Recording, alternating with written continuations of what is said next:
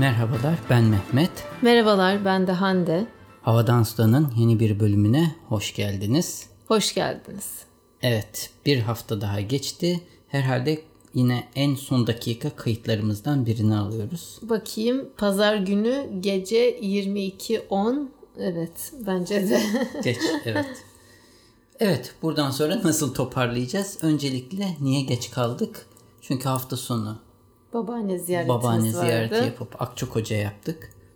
Ve her gördüğümüzde, her gittiğimizde daha e, senin daha çok üzüldüğünü aslında ben hissediyorum. Niye? Çünkü e, o eski hani hep anlatıyorsun. Şurada şu evler yoktu. Burada deniz manzarası, şurası kumsal.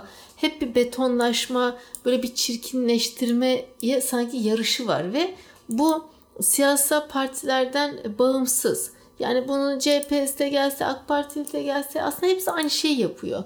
İşte 500 bin lira veriyor, iki kat daha fazla çıkıyor. Bunu CHP de yapıyor. Ne 500 yani. bin lirası çok daha azı yani. Ay neyse yani 100 bin lira daha. Ve herkes de bunu biliyor yani. Çünkü o marifetmiş gibi yapan başkasına anlatıyor. Hani ortak değer paylaşılan değer bu olmuş oluyor. Yani kurnazlık, kurallara uymama, İşte çevreyi... sistemsizlik bunu getiriyor. Yani bu sanki iyi bir şeymiş gibi e, ya da uyanıklık iştemiş gibi.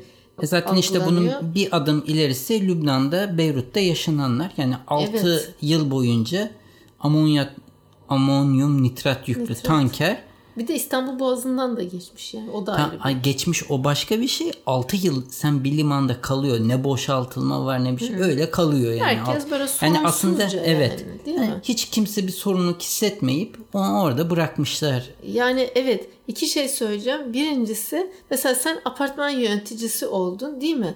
Bazı şikayetler geliyor. Mesela başka bir daireden ya Mehmet Bey nasıl yapalım? Mehmet Bey siz yöneticisiniz.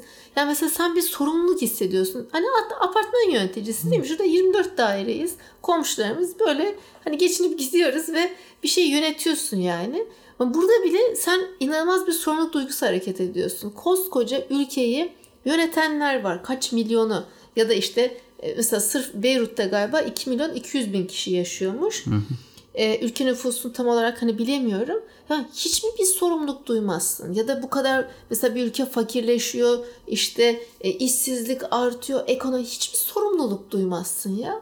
Mesela bir şey orada bir bakan, kadın bakan e, istifa etmiş enformasyonda ama iletişimden sorumlu bakan mı tam olarak bilmiyorum bakanlığın adını.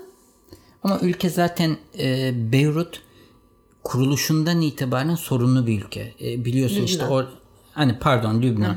E, işte başbakanın belli bir mezhepten olması gerekiyor. İşte e, cumhurbaşkanının belli bir mezhep. Yani birisi Şii, birisi Hristiyan bilmem ne böyle Ama çok e, şey bir toplum böyle e, karma kozmopolit. ama tamam ama o ona sen bir başbakan. Şii olması gerek ya da işte Hristiyan kuralları bilmem ne ki. olması gerek dediğin an işi bitiriyorsun. Senin meziyetlerin değil e, senin kökenin. Yani Bana insanların biraz CHP'ye insanların an yüzde 99'u dinini kendi seçmiyor aslında. Kendi ailesinin seçtiği dinle devam ediyor. Yani aslında bu kendisinin yaptığı bir şey de değil. Köken oysa o öyle devam ediyor ve bu, bu şekilde de- devam ediyor. E sen buna göre bir başbakan, cumhurbaşkanı bu mezhepten olacak diyorsun. Kurarken yanlış yapmışsın. Ve buna tabii Orta Doğu'nun düzensizliği ve işte bu sisteme uymama, sorumluluk hissetmeme olayları işte bu felaketi getirmiş Evet. diyeyim. Twitter'da son günlerde bir tartışma vardı. Coğrafya işte kaderdir falan diye de birisi demiş ki o coğrafya üzerinde yaşayan insanların cehaleti aslında kader oluyor falan diye. Böyle değişik tabii tartışmalar.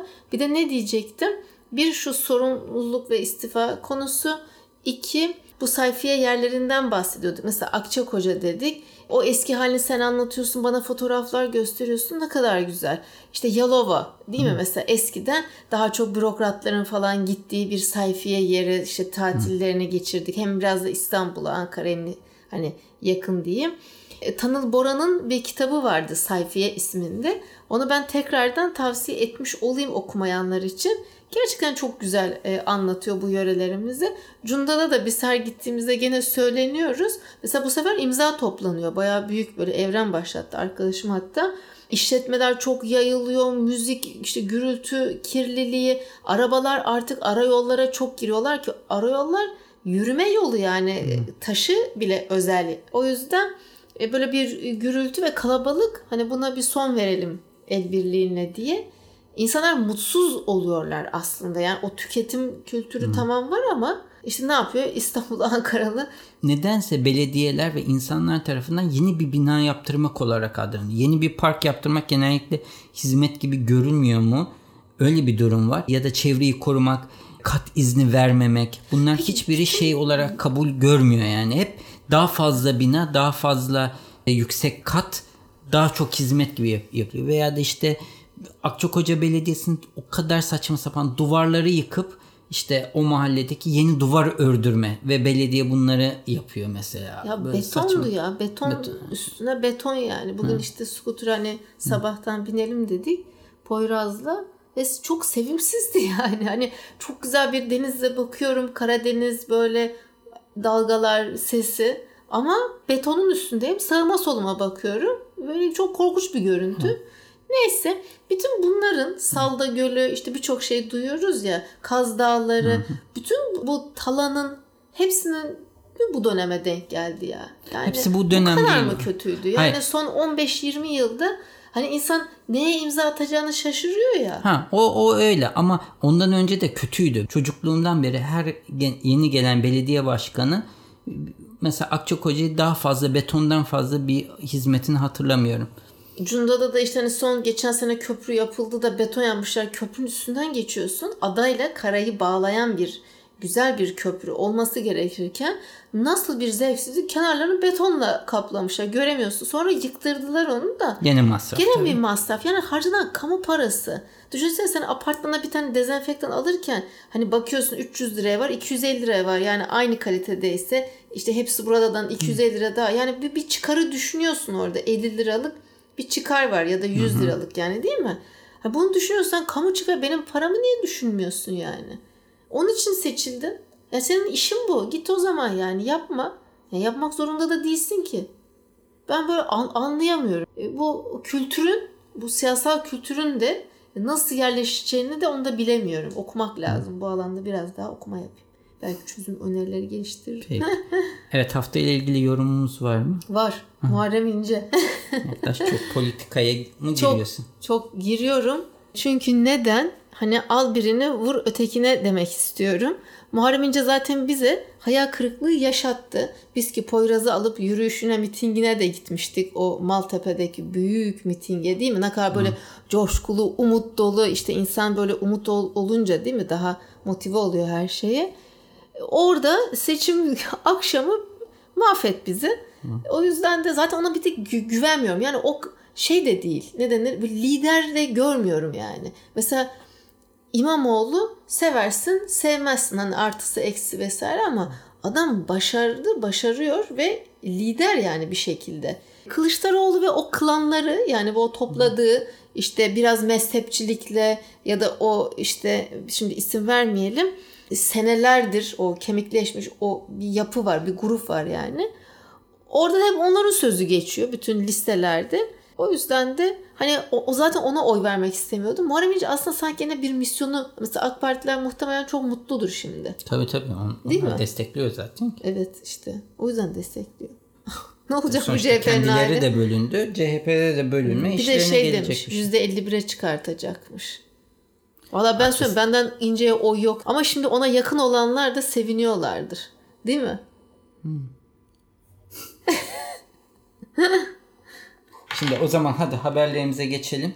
Çok da fazla haber yapmayalım bence. Zaten Kısıtlı uzun bir giriş. Evet. Ben hemen gireyim mi? Yok, gir sen bakalım. Mi yok yok gir buyur. Şöyle geçen hafta biz hani bir köpeklerden bahsetmiştik. Covid'i böyle koklayıp anlıyorlardı ve koronavirüsü. Hmm, evet, evet. Şimdi de bir makine üretilmiş Mehmetçim. Tost makinesi böyle büyüklüğünde neredeyse sadece 90 dakikada COVID'i tespit, tespit edebiliyor. E, İngiltere bazlı DNA şirketi, küçük bir şirket, hiçbir laboratuvar analizine gerek kalmadan 90 dakikada COVID'i tespit eden bu tost makinesi büyüklüğündeki aleti bulmuş. Ve şimdiden Biliyorsun İngiltere'nin e, ulusal sağlık servisi ki bu çok büyük bir e, yapı biliyorsun.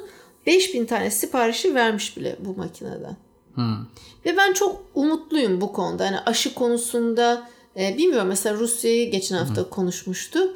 E, bilim ve teknoloji artık hani çok böyle hızla ilerlediği için yani her ülke kendi e, çabasıyla bir şey yapmaya çalışıyor olanaklarıyla.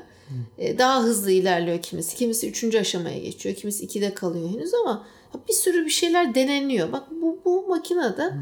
nispeten testleri kolaylaştırır. David Sinclair diye bir bilim adamı varmış. Lifespan isimli kitabında yaşın yani yaşlanmanın çözülebileceğine olan e, inancını anlatmış. Çözülmek şöyle. derken? Şöyle dünyadaki en yaşlı insan kayıtlara geçmiş. 116 yaşındaki Kane Tanaka'ymış. Japon e, kendisi. 116 yaşında. Evet. Bu, bu kadın mı? Hayır bu kadın değil. Ha, e çünkü o hiç 116 yaşında durmuyor yani. Evet. Ama e, David Sinclair'in inancı aslında 116 yaşında orta yaş olması gerektiği üzerineymiş. Hmm. Bir insanın ömrünün 200 yaşı geçebileceğini iddia ediyormuş. Şu an 65 biliyorsun orta yaş. Evet yani zaten 116 yaş en yaşlı insansa yani doğal olarak yarısı. hani eskiden şiirler vardı ya yaş 35 yılın yarısı eder. Evet. Tarancı mıydı? Şimdi bu David Sinclair e, Harvard Üniversitesi'nde bir profesörmüş ve birkaç üniversiteyle beraber yapılan araştırmada bunun içinde MIT Lab da var. Yalnız bu Sinclair hocamızı hızlı pas geçtin. 2014'te dünyadaki e, dünyayı etkileyen yani en evet. etkili 100 insandan birisi seçilmiş. seçilmiş. O şey değil biz bilim kısmına bakıyoruz. Tamam. Buradaki yapılan araştırmaların sonucunda insan mayalardan aslında bildiğimiz hani ekmek mayası falan var ya onların nasıl yaşlandığını tespit edip çünkü hmm. en basit bir hücreden e, tamam. etkilenerek aslında vücudumuzda bir hücre mi diyelim, metabolizm, enzim mi diyelim? Hangisi ee, göremedim. NAD denilen molekül varmış. Evet. Bunlar da NAD denilen moleküllerde sirtuins denilen sirtuins denilen başka bir enzim. enzimi evet e, harekete geçiriyorlarmış. Bu sirtuinsler ne yapıyorlarmış biliyor musun? Vücudunda herhangi bir şey doğru çalışmadığı zaman o hücreye gidip mesela senin e, böbrek hücretli, hücrelerin bir şekilde sapıtırsa, doğru işlem yapmalarsa onlara tekrar yapmaları gereken şeyi öğretiyorlarmış ve doğru yola koyuyorlarmış. Hı hı. 20 yaşından 50 yaşındaki kişinin arasında sirtuinlerin sayısı yarı yarıya düşüyormuş. Ve bunlar azaldıkça senin vücudun artık yapması gereken işlemleri eski mükemmeliyetinde yapamıyormuş ve biz buna yaşlanma diyoruz diyor. O zaman bunların sayısını arttırmak. Evet ve bunların da e, beslendikleri molekül NAD molekülleri. Yani He, NAD'ı arttırırsak sirtuinler artar, sirtuinler artarsa Gençleşir. daha hızlı gençleşirsin. İşin özü bu. Yani Nasıl arttırıyoruz peki çözüm? İşte henüz daha henüz bir çözümü Aa, yok. Sen de Mehmet böyle ama, haberi veriyorsun. Ama bak buradaki önemli şey sebep bir bulunması yani tamam. bak iki zincirli şeyi bulmuşlar. Bunu yapan bu, bunu besleyen de bu. Yani e, ne yetiştirileceğine karar vermişler. Yani vücudunda neyi desteklemen gerektiğini ve onun da ne istediğine karar vermişler. Bir şekilde NAD moleküllerine ya dışarıdan ya da farklı bir şekilde hı hı. beslemeye başlarsan veya da işte 20 yaşındaki kişiyi alırsın masaya yatırırsın nadlarını alırsın başka birine enjekte edersin. Hayda sen şimdi nerelere gidiyorsun? Bilim kurgu böyle evet. şeyler vardı da o yüzden. o kişi yaşlanıyor hemen başkasına Mesela para karşılığı nadlarını satan kişiler olabilir. Belki de evet ya da sirtuinlerine satıp başkasına enjekte ettirenler. Evet. Ama şunu tespit Ama. etmişler. Bu şimdi nadları nasıl? Vücut rahatladığında sirtuinlerin sayısı düşüyormuş. Yani vücudun aslında zaman zaman şoka ihtiyacı varmış. Yani beklenmedik durumlara. Onlar sirtuinlerin yani bir hayatta kalma mücadelesi senin direncini arttırıyormuş. Bu da neymiş? Diyor ki soğuk bir havada kısa süreli hiç ceketinizi bile almadan dışarı Aa, hiç çıkın diyor. Değil. Yani üşümek. Çok, çok üşürüm. Açlık bir öğünü arada bir bir öğünü atlayın diyor. Kan yani, şekerim düşüyor benim. işte bir kahvaltıyı veya bir öğle yemeğini atlayın diyor. Arada sırada açlık çekmen, arada sırada üşümen, birkaç tane daha önerisi vardı sanırım. Bu vücudun metabolizmasını bozuyormuş ve e, bu arada da işte bir anda yaşam isteği o sirtuinlerin sayısını arttırıyormuş. O yüzden bazen sanırım var böyle uzun süreli hani oruç gibi ama oruç e, sabahtan akşama kadar ama bir böyle hani 12 saat hiç yeme gibi böyle yeni hmm. çıkan diyet yöntemleri var. Biraz o diyet yöntemlerini aslında kısmen destekleyen bir çözüm olmuş. Böyle bir şey. Bütün makaleyi İngilizce paylaşırım. Uzun da bir makaleymiş. Evet. Tamam. Ee, şimdi biz geçen haftalarda bu elektrikli skuterlara gelmesi planlanan düzenlemeler hakkında konuşmuştuk sanki. Bu hafta gene e, Twitter'da CEO'sunun adını hmm. şu an hatırlayamıyorum. E, böyle açıklamalarına denk geldik. Artık hmm. talihsiz bir açıklama mı diyelim. E, ne diyor peki bakalım? Hmm? Ben ben okumadım. Dinlemedin mi sen? Yok dinlemedim. Ya adam diyor ki devlet diyor bir şey yapıyorsa haklıdır yani bir bildiği vardır. Biz ona uyarız diyor. Hiç sıkıntı yok İşte diyor. Türk şeyi Türk, bulaşmayacaksın. Tamamıyla. Bulaşmayacaksın. Ama ama hadi de... bulaşmadın da hmm. yani bu kadar mı bütün her şeyi teslim ediyorsun? Yani bir, bir yerde haklı olabilirsin. Kendini savunursun. Ya diyor, diyebilirsin yani bir şu konuda da düzenlemeye ihtiyaç olabilir. Belki tartışılır. Hı. Yani aynı masaya otururuz. işte tam müzakere ederiz bir ha, şey ama devletle müzakere yani, edilmez devlet, de. Devlet baba kuzgun leşe mi? Böyle bir şeyler o kadar kötü ki yani Hı. açıklamanı dinlemen lazım. E, dolayısıyla ben de bu makaleye tekrardan döndüm Digital Age'de. Aslında geçen hafta vardı. Ya vakit yetmedi ya da bir şekilde hani bitirdik. E, şimdi ülkemizde elektrikli skuterlarla ilgili spesifik hukuki bir düzenleme yok.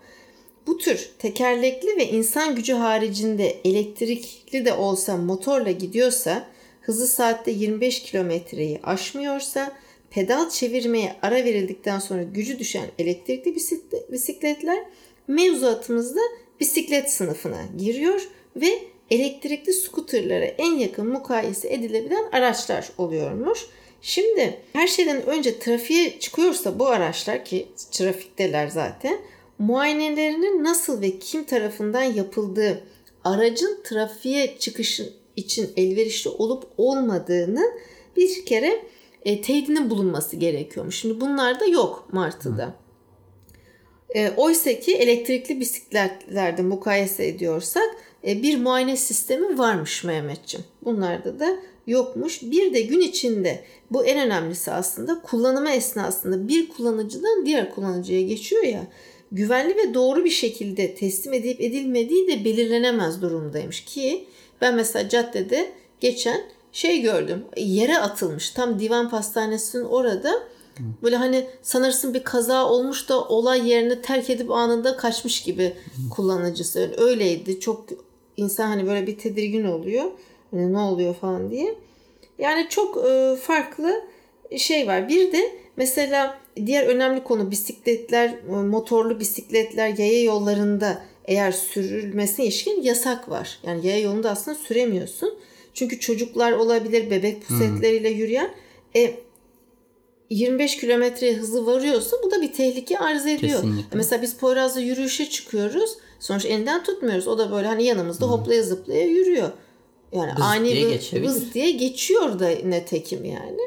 Ee, olabilir ama sen o açıklamaları bir dinle. Hani devlet baba her şeyimiz falan diye böyle talihsiz. Zaten devlet baba maba tanımı zaten baştan evet, sakat kelime, bir anlayış. Seçtiği yani. kelimeler de çok kötü Hı. yani. Evet bu şekilde haberi paylaşalım Digital Age sitesinden. Benim bu haftaki haberlerim hep sağlık üzerine. Hı hı. Bu sefer de bir e, Fast Company haberi bu kişi beyne yönelik yiyecekler yemenin e, sağlığına olan etkisi üzerine Tabii sene yazmış. bunu tartışmıştık Evet galiba. evet evet. Yani burada işte bir hafta boyunca sürekli işte beyne ne kadar iyi geldiği açıklanan yemekler varsa bu listeyi de kim hazırlamış burada belirtiyordu. Bir üniversitenin hazırladığı bir listeydi. Diyetin ismi Mind diyetmiş. Mediterranean Intervention for Neurodegenerative Delay yani delay. Ee, yani nö- nöronları dejenerasyonu azaltan Akdeniz diyeti diye bir diyet. Burada da bu diyetteki ana şeylerde birincisi hiçbir şekilde şeker yok. Meyvelerden aldığın şeker hariç ve bu bunun dışında tamamen işte yaban mersini, sebzeler, badem, fındık tarzı besinler hep balık. Bu tarz şeyler e, margarin, peynir, tatlı ve işlenmiş gıda yok. Ama bir de balık var ve bunları bir e, hafta boyunca denemeye karar veriyor. Bu diyetle ilgili yapılan testlerde gene e, Rush Üniversitesi ve Harvard School of Public Health yani e, Harvard'ın bir bölümü yaptığı analizler sonucu bu diyete harfiyen uymanın e, Alzheimer'ı e, olma ihtimalini %53 kısmen uygulamanın da %35 azalttığı sonucuna ulaşmışlar. Evet. Birincisi bu diyeti uygulamanın maliyeti fazla diyor. Amerika standartlarında haftalık ekstradan 20 dolar daha fazla harcadığını kişi keşfetmiş. Türkiye'de baktığında balık da pahalı. Yani Evet, aynı güzel şey. deniz balığı Yaban mersini, badem, yaban. fındık, Oo. işte chia tohumu, e, bir tek Hadi ucuz şeyler. fındığımız var. Ha, hadi bir tek Cevizimiz ucuz şeyler, lahana, ıspanak gibi şeyler bizde de çok pahalı değil. Bu tarz Yok. şeylerden elde edilen e, yemekler yapma. Diyor ki diğer dezavantajı da her gün çok fazla çeşit olmadığı için benzer şeyleri e, yemek durumunda kaldım. E, sabahları işte iki yumurta, ıspanak ve somon yeme durumunda kalmış. Pek Türkler için ideal bir e, kahvaltı e, şekli değil. Kahveyi bırakmak zorunda kaldım ve sadece yeşil çaya döndüm demiş. İşte her sabah bir çay kaşığı Hindistan cevizi yağı almış. E, mercimek yemiş akşamları. İşte bunları tek tek vermiş. İşte siyah pirinçten yemekler yapmış. Sonuçları üzerine şunu söylüyor. Diyor ki gün içinde çok daha az aç hissediyorsunuz. Bunun ilk sonucu. Nedense vücudu daha az yeme yem- yeme isteği azalıyormuş. Bu kötü mü yemek? Ve e, daha az e, aç kendini hissediyormuş. Sayeden de bir süre sonra beyin daha konsantre olabiliyor ve daha motive hissediyorsunuz kendinizi diyor. Öyle hani problem sol e, çözme gibi şeyler değil de beynin motivasyonu ve e, odaklanması çok daha rahat oluyor şeklinde açıklamaları olmuş. Bilmiyorum. Valla beynimin odaklanması için benim şu an ihtiyacım olan tek şey nedir biliyor musun? Sabah kahvaltıdan sonra çalışmaya oturabilmek ve öğlen yani iki buçuk üçe kadar şöyle güzel randıman bir şekilde çalışmak. Gerçekten bunu çok özledim. Hı. Yani bunun Mehmet değil. Hı, yani bu biraz zor. o yüzden şey yapalım. Ben tekrar makaleme döneyim. Tabii. Son olarak bu kişi diyor ki bunu harfiyen uygulamak bu diyeti çok zor ama orta derecede uygulayan biri olarak devam etmeyi şey yapıyorum tercih edeceğim. Çünkü verimliliğimin arttığını hissediyorum ve bu da çok ciddi bir motivasyon kaynağı. Sen de bu şekilde bir tavsiyede bulunmuş olalım. Sağ ol. Bu tavsiyelere gerçekten ihtiyacım yok. Ee, yani alıp bunları eve alsak da yesek de o bir şey fark etmeyecek. Yani dediğim gibi asıl ihtiyacım olan başka bir şey. İşte Birazcık da- seninle çalışma saatlerimizi Kesinlikle benim şey çalışma yapalım. saatlerim çok zaten az yani şu anda. Mehmet ödün vermeye girmeyelim. Tartışacağız fena. Evet. Evet, senin başka haberin var mı? Mehmet'in bu muzur ve şey gülüşünü biliyorum. Yok. Tamam. O zaman bu hafta biraz daha kısa keselim ve iz- dinleyicilerimize gelecek hafta görüşmek üzere diyelim. Sağlıcakla kalın. Hoşçakalın.